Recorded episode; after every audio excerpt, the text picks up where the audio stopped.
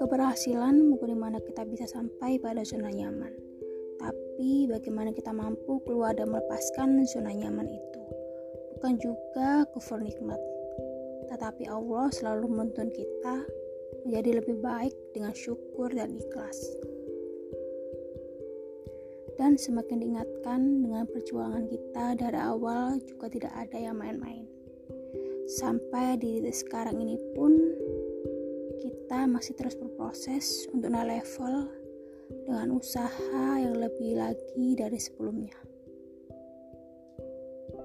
Selalu yakin Allah Maha Bijaksana dan Allah Maha Adil juga murah.